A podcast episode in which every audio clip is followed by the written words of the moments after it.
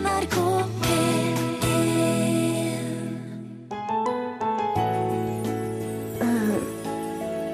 Aller, aller første minne altså Alle mine barndomsminner, der er, der er det vi.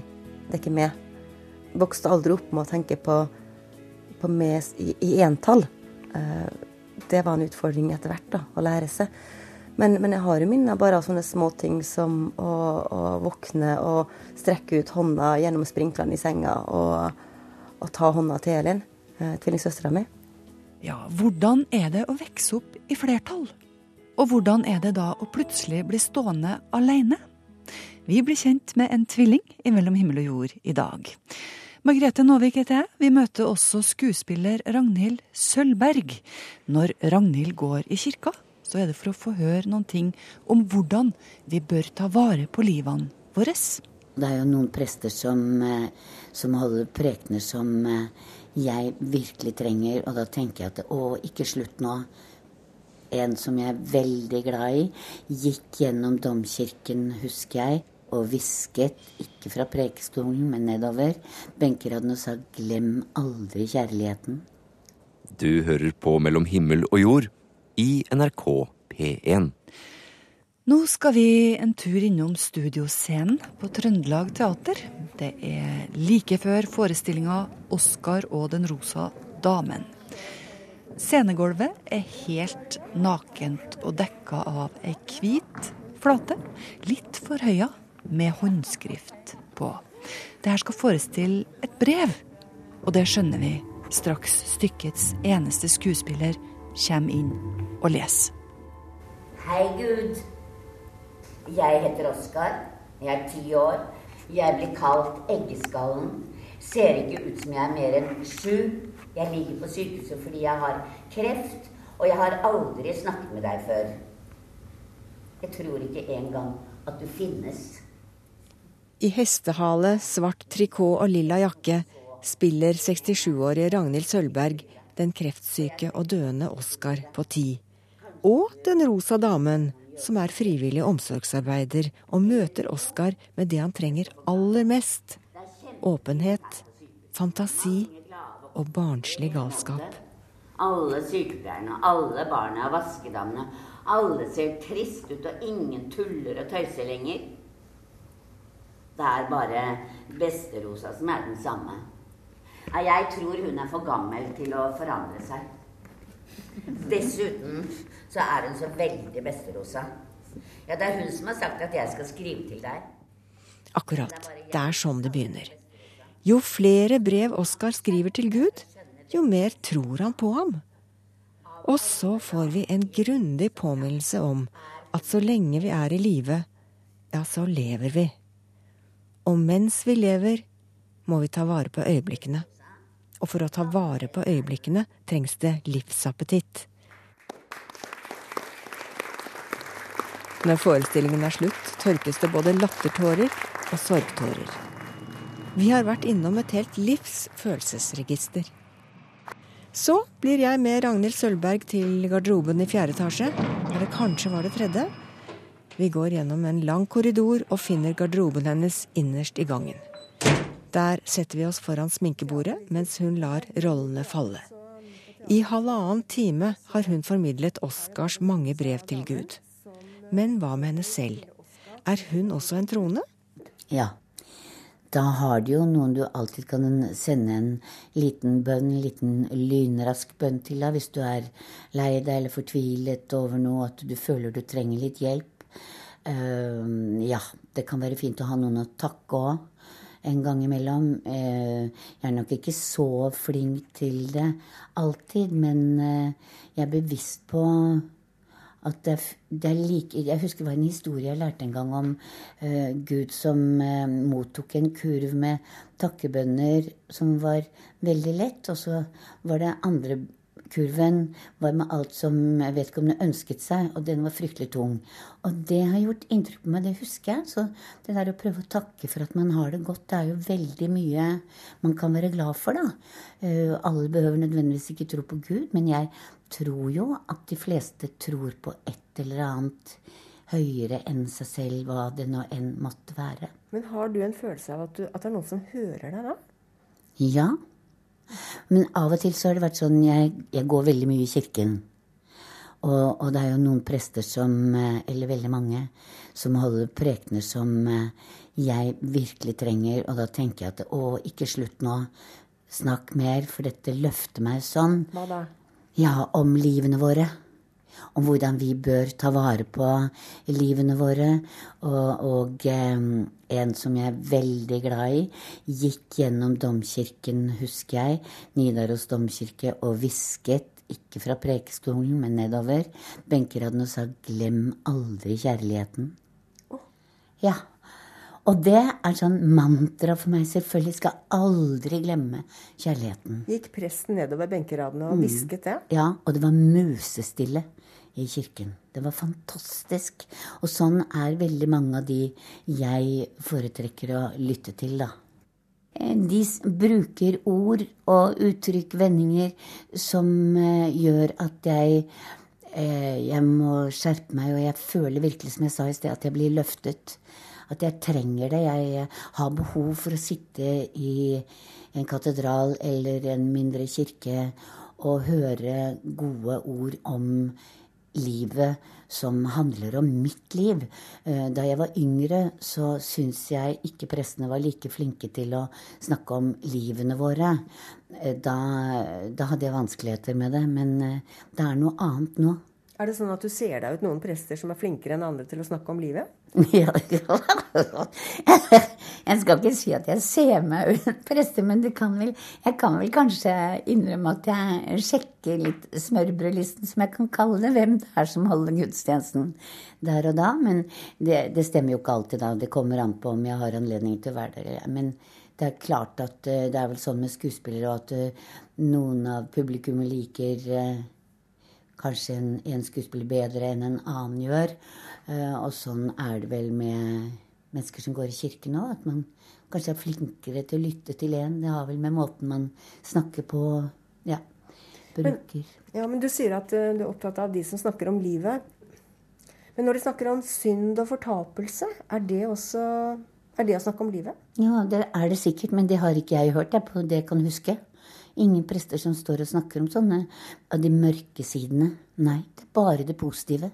Bare det gode. Hele tiden. Så essensen er Er det, det, gode i livet og hvordan du selv respekterer deg selv for å uh, De snakker veldig mye om det for at man igjen kan respektere sine medmennesker. Uh, og hva du gjør uh, Ja, hva du ønsker, hvordan du ønsker at folk skal være mot deg. det Kanskje kan det bli godt hvis du klarer å være god med dine medmennesker. Eh, jeg brenner veldig for eh, kjærlighet og det å være god.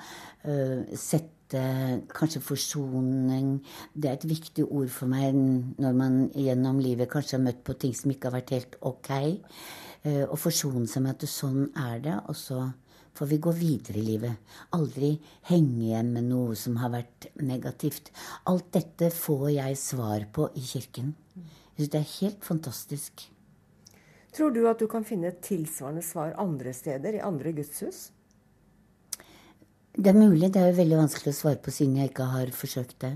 Eh, det er klart at jeg kan, jeg kan godt ha en nærhet til høyere krefter, Gud, når jeg er ute i naturen. Eh, og det syns jeg ikke er så rart. Den høye himmelen og ja, ser på naturen. Eh, ja, da, det gjør veldig godt. Det kan være som å være i en kirke, det. For du vet, I Norge nå så kommer det jo mennesker fra alle himmelstrøk, og, og vi er jo mm. Medmennesker alle, da. Mm. Men uh, tenker du at uh, de kristne har mer kjærlighet i seg enn de andre? Nei, det tror jeg ikke. Overhodet ikke. Og man alle må lære å respektere hverandre og kanskje lytte til hverandre. Og, og, gi hverandre opplysninger om hva man tror på og hvorfor, og møtes. Og det jobbes vel en god del med rundt omkring, tror jeg. At det skal slutte å være hatforhold.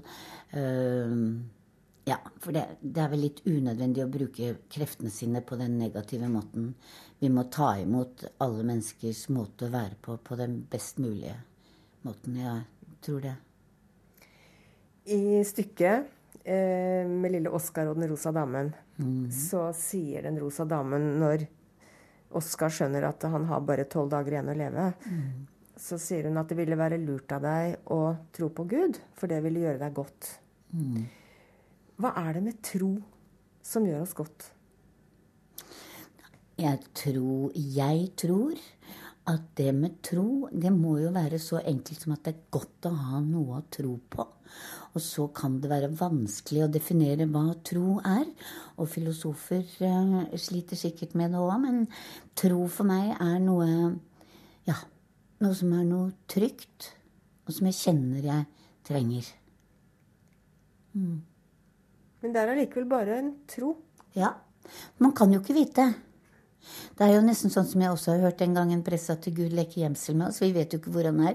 Men han er vel overalt. Han ser deg vel kanskje hele tiden. Ja, gi det var så vel. Det vet man ikke. Det, nei. Så det med tro, det er jo bare at man tror det. Hvordan kan du tro på sånn og sånn når det er så mye elendighet i verden? Nei, det tror jeg ikke er, jeg tror jeg ikke er Guds skyld, faktisk. Det tror jeg er menneskene som har fått sine frie valg. Og dessverre ikke alle klarer å bruke det beste i seg. Alltid. Det sa skuespiller Ragnhild Sølvberg rett etter forestillinga om Oscar og Den rosa damen. Det var Miriam Wiklund som var på besøk i garderoben på Trøndelag Teater.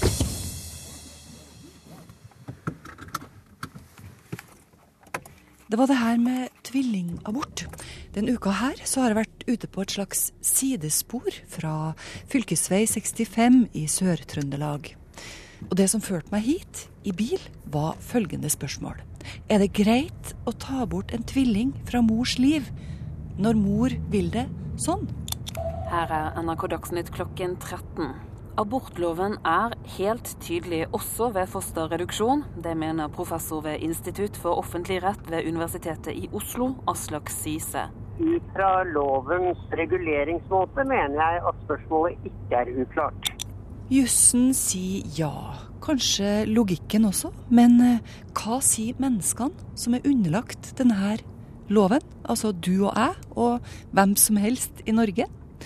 Diskusjonen har gått på nett og i kantina og i stua og kanskje i fjøs.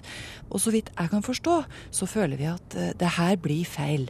Men hvem kan forklare hvorfor? Jeg har vært eh, ute og snakka med nettopp eh, hvem som helst. La oss høre på noen av svarene.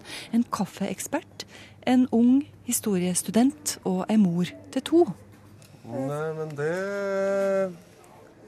hørtes jo ikke moro ut. Hva om man fjerner feil? Hva fjerne man fjerner den snille og lar den kjipe være igjen? Men altså, folk er veldig opprørt over dette her. Mm. At det går an å ta bort en tvilling. Ja. Hva, hva er forskjellen på å ta bort en tvilling og å ta bort en uh, enkling? Nei, si det. det. Der spør du vanskelig. Det blir vel egentlig fint lite forskjell å fjerne én uh, av to eller én av én. Det gjør jo egentlig det. Men nei, et dilemma jeg ikke har tenkt på før. Det er sånn følelsesmessig problematisk. Det blir det jo. Ja. Noen Når fjerner du én, så er du egentlig en som aldri er der siden. Fjerner du én av to, så vil man alltid se at det mangler en på den andre som egentlig skulle hatt en som var det samme. Du tar bort noe fra det livet til den ene. Ja, og fra sitt eget. For man alltid blir påminnet av den som er igjen. Ja, kanskje det er det. Mm. Tusen takk. Bare hyggelig. Klart svar. Nei, jeg syns ikke det er eh, riktig. Men jeg syns ikke det er rett å sette seg til dommer over andre heller. Nei. Men hva er forskjellen på å ta bort én av to, eller å ta bort én av én?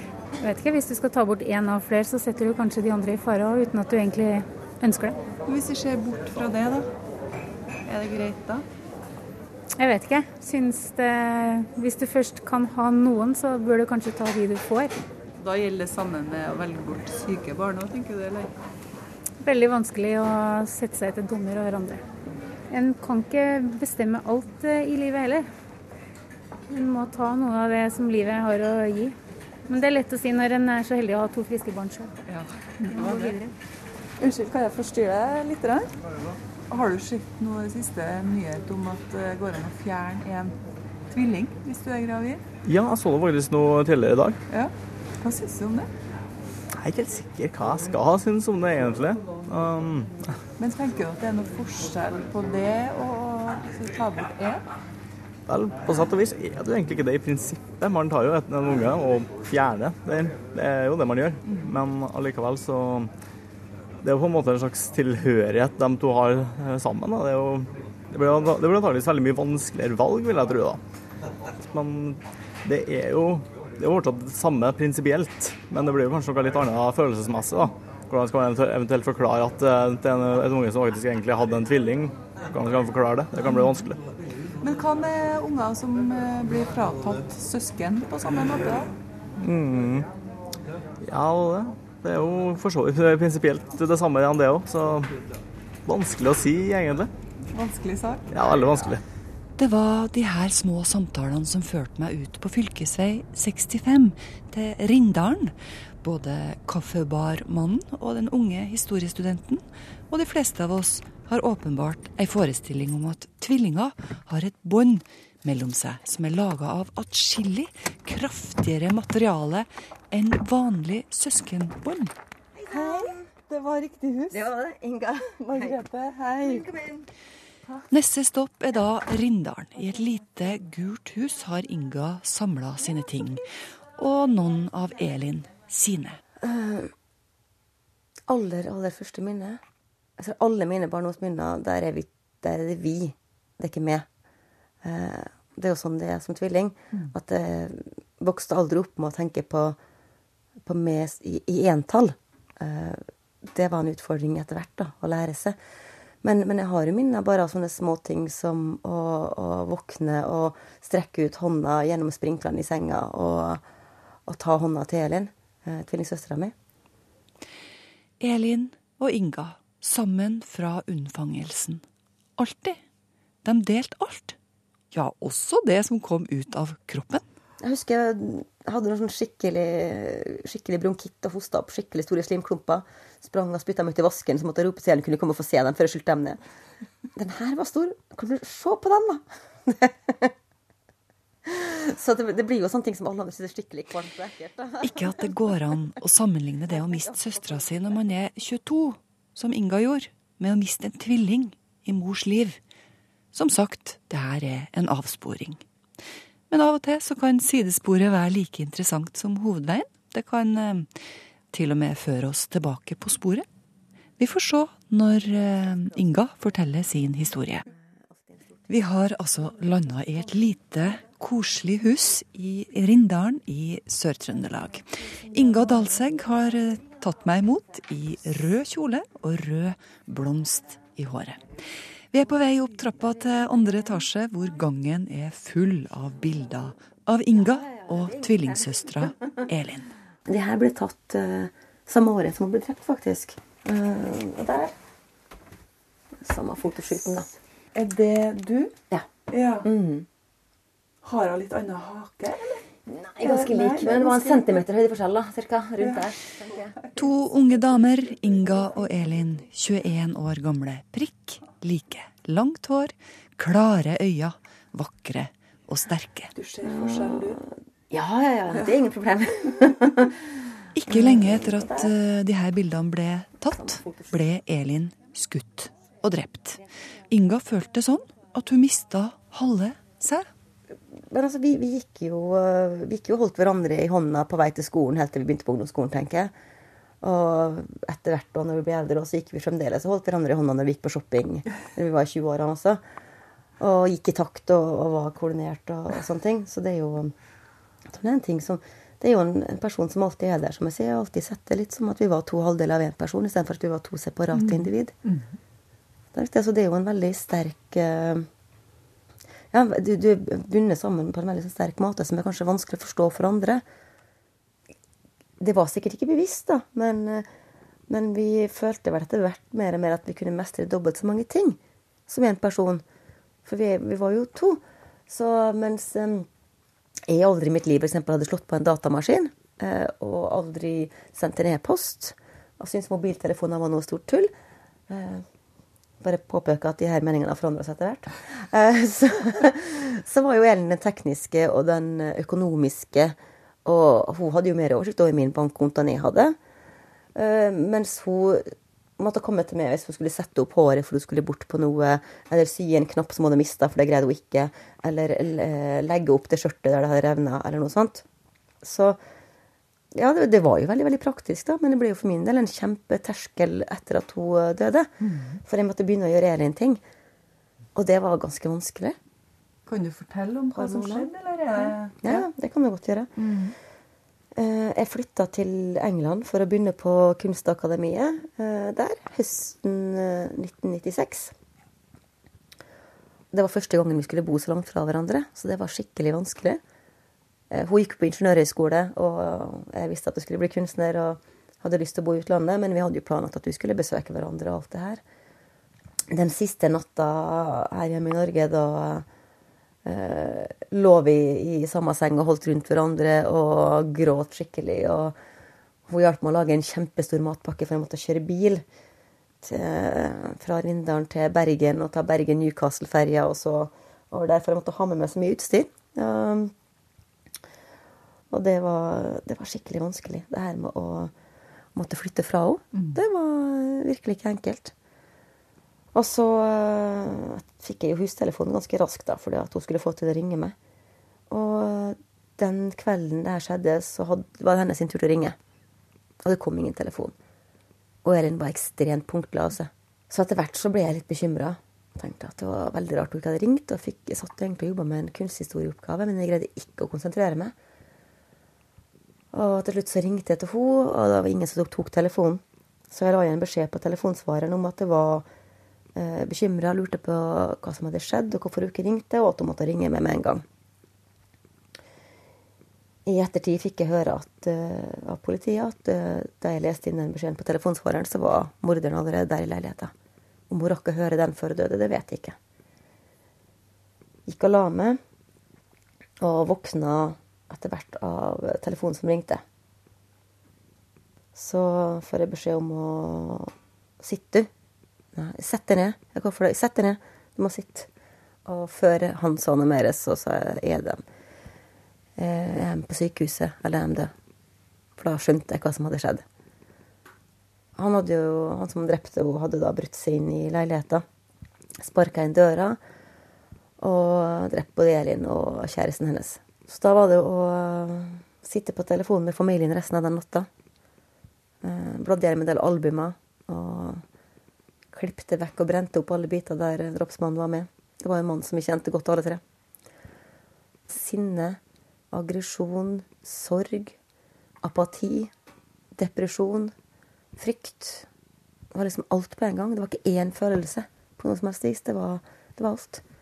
Og det å greie å forstå hva som hadde skjedd, og da ta det inn over seg. For mm. veldig ofte så tenkte jeg jo etter hvert at uh, Nei, hun kan ikke være død. Det er bare det at hun ikke er her. Mm. Uh, det at hun er i Ålesund og er her, eller noe sånt. Ja Inga går ut i gangen og tar telefonen. Den lille, svarte, vakre katta hennes smyger seg inntil meg mens hun venter på at matmor skal komme tilbake. Men altså, du, alle de tingene her sånn altså, Ser du henne i noe annet? Ser du henne i kattene? Ser du henne i naturen? I, vi flytta veldig mye i barndommen, eh, så vi hadde jo mange steder som jeg tenker på som hjem. Det er jo mange Så blir det jo når man har bodd mange steder, tenker jeg, at man uh, føler litt Å, der, sånt, der har jeg gått på skole, der har jeg bodd, og sånn og sånn. Mm. Men det eneste stedet som alltid har vært der, hele livet mitt, det er hytta. Mm. Den ble bygd før jeg ble født. Og hver gang jeg er på hytta, så, så er Elin veldig nært. Og um, det var en bekk ved siden av hytta vår. Der lekte vi masse. Når vi var helt små, så bygde vi demninger i bekken. og, og lekte oss med båter der og bygde opp små hus med steiner og hadde kongler som eh, sauer og kyr og alt det der.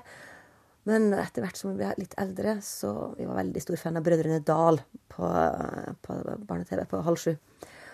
Og da brukte vi, og Brødrene Dal seilte jo på overfloden. Eh, vi eh, kalte jo og døpte jo da den bekken vår for Overfloden. Og vi var Søstrene Dal. Uh, og vi lekte vi, vi, gikk jo langs den, fulgte den bekken så langt vi kunne, langt oppover fjellet, og den, den svinga og slynga så veldig rundt. Så vi gikk jo da med gummistøvler, så måtte vi jo gå i bekken. For vi kunne jo ikke gå ved siden av. Det hadde vært juks. Vi skulle jo late som vi satt i kano. Eh, vi kom jo alltid tilbake til hytta med støvlene gjennomvåt, for vi vassa jo alltid over støvlene. For vi måtte jo klatre opp en foss og gå langt der det var litt dypt og sånn, men det var ikke lov å sette beina på bakken, for det var juks. Det, det gjør jo enda av og til, da. Så av og til må vi fremdeles gå en runde i årfloden. Eh, og gå en tur i det området. Og på en måte alle de tingene som vi gjorde, alle de barndomsminnene fra Jeg må opp i klatretreet vårt. Eh, og da, da er det litt utkikkspunkt ofte. Jeg går en tur og setter meg, og kanskje tar med termos og, og en matpakke og setter meg der og ser, ser, utover det området der vi lekte veldig mye. da. Mm. Og tenker på Elin og tenker på Har mye barndomsminner. For den har alltid, det har alltid vært der. Det er kanskje der formen er mest, tror jeg det er jo klart det er trist og det er vemodig, men samtidig så er det mange gode minner. Mm. Og jeg tenker at det er det som er litt viktig. Det er at når noen dør, så er de jo ikke utsletta og borte for alltid. Eh, det er litt mer som at de er en plante som vokser videre i minnene våre og i erindringene våre. Og da skal vi ta det med oss og bruke det til å styrke vårt eget liv. Og, og bruke de gode minnene. Klart jeg gjerne ville hatt den tvillingen fremdeles, mm. enda nå i dag. Mm. Eh, men hvis, hvis, jeg kunne ha valgt bort, da, sånn helt hypotetisk sagt, at jeg kunne valgt å ikke være tvilling og slippe den sorga mm. som jeg har levd med i så mange år, så hadde jeg ikke villet det. Da ville jeg mye heller hatt Jeg er veldig glad for at jeg har fått de 22 årene mm. med den tvillingen, selv om det har betydd veldig mange år med sorg mm. og problem, øh, psykiske problemer etterpå. Mm. For det, det var det verdt. Å få lov til å vokse opp med den tvillingen. Uten tvil. Inga Dalsegg følger meg ut i gangen, åpner døra til den fine vinterdagen. Ha det godt, da. Fint vær òg. Nydelig dag, vet du. Blå himmel, skarp, frisk luft. Vi starta med et spørsmål i dag, og slutter med et spørsmål. Er det det her inderlige forholdet til tvillingsøstera som Inga beskriver, er det det som ligger bak følelsen av at det er feil å fjerne én tvilling fra mors liv. Det er jo på en måte en slags tilhørighet de to har eh, sammen. Da. Det er jo det er fortsatt det samme prinsipielt, men det blir jo kanskje noe litt annet følelsesmessig. da. Det sa historiestudenten vi snakka med tidligere i sendinga. Hvis det er denne følelsen som gjør at vi stritter imot, er det da en følelse vi skal ta hensyn til, eller skal vi slå oss til ro med det professor Syse sier? Ut fra lovens reguleringsmåte mener jeg at spørsmålet ikke er uklart. Noen kilometer unna det gule huset til Inga, som altså mista tvillingsøstera si, så lurer jeg på om det er sånn at hvis du en gang har vært tvilling, er du da det for all tid? Ja. Ja, det er jeg. Du er... Ja, ja. Det, det, hvis folk spør, så er jeg naturligvis klart jeg er tulling. Mm. Nå etter nyhetene klokka 11 så blir det en eh, litt annerledes gudstjeneste her i NRK P1. Mens norske kvinner og menn konkurrerer om gull i OL i Sotsji, så inntar musikere, sanger og prest den ellers forlatte kantina på Olympiatoppen i Oslo.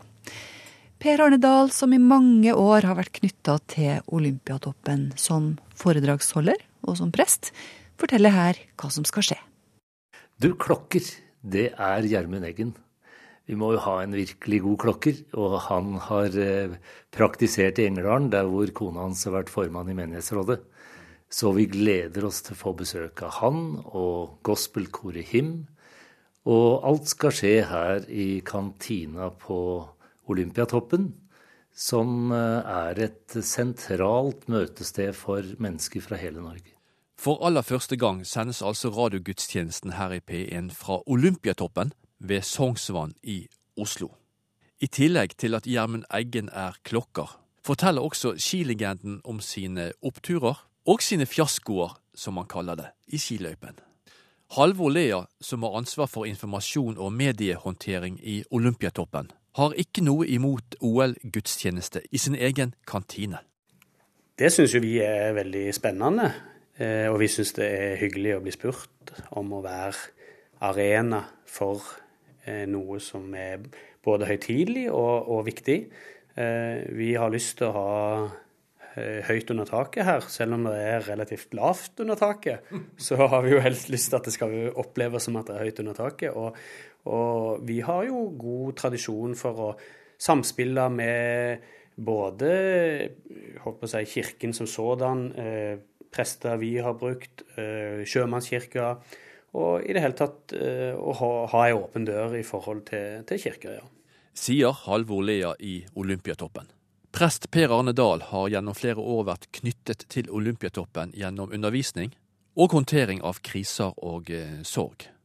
I dag er han altså prest i OL-gudstjenesten her i NRK P1. Det blir også en tilsvarende gudstjeneste neste søndag. Men hva slags forhold har eh, presten til eh, OL og idrett? Nei, jeg har spilt eh, fotball og håndball og vært glad i å gå på ski og drive med terrengløping. Hvilken fotballklubb spilte du for? Det var Kolbotn. Fra småguttlag til A-lag. Og så var jeg heldig å få gå på Vålerenga skole. Eh, hvor det var jo et veldig spennende miljø. Så jeg har vært heldig. Jeg begynte på Gjøvik. Der var det fotball og gode aktiviteter. Og så ble det Vålerenga, og så ble det Kolbotn. Men når det gjelder OL, er det et øyeblikk Per Arne Dahl husker eh, spesielt godt? Det er ikke tvil om det største øyeblikk. Det var eh, kuppelen. Knut Johansens 1546 i OL i Skåværli. Og grunnen til at det gjorde seg inntrykk, det var jo at han bodde bare 200 meter fra der jeg bodde, på Vålerenga. Han bodde i kampen, eller på vei mot kampen. Jeg bodde på Galgeberg. Og jeg kommer aldri til å glemme den uh, søndagen han kom hjem fra OL, hvor det samlet seg mange hundre mennesker. Hvor det var virkelig stemning. Det satte spor i et uh, guttesinn. Det sier prest Per Arne Dahl, som du hører igjen eh, etter nyhetene, sammen med skilegenden Gjermund Eggen i søndagens OL-gudstjeneste. I det innslaget her så hørte du også medierådgiver Halvor Lea, som ønsker NRK og radiogudstjenesten velkommen til Olympiatoppen. Han snakka med Ove Gundersen. Du har hørt Mellom himmel og jord 9. februar. Vi holder oss med både Facebook-konto og e-postadresse. Send oss dine tanker på himmel og jord, krøllalfa, nrk.no. Margrethe Nåvik takker for eh, oppmerksomheten. Ha en akkurat passe fin dag med NRK radio, f.eks.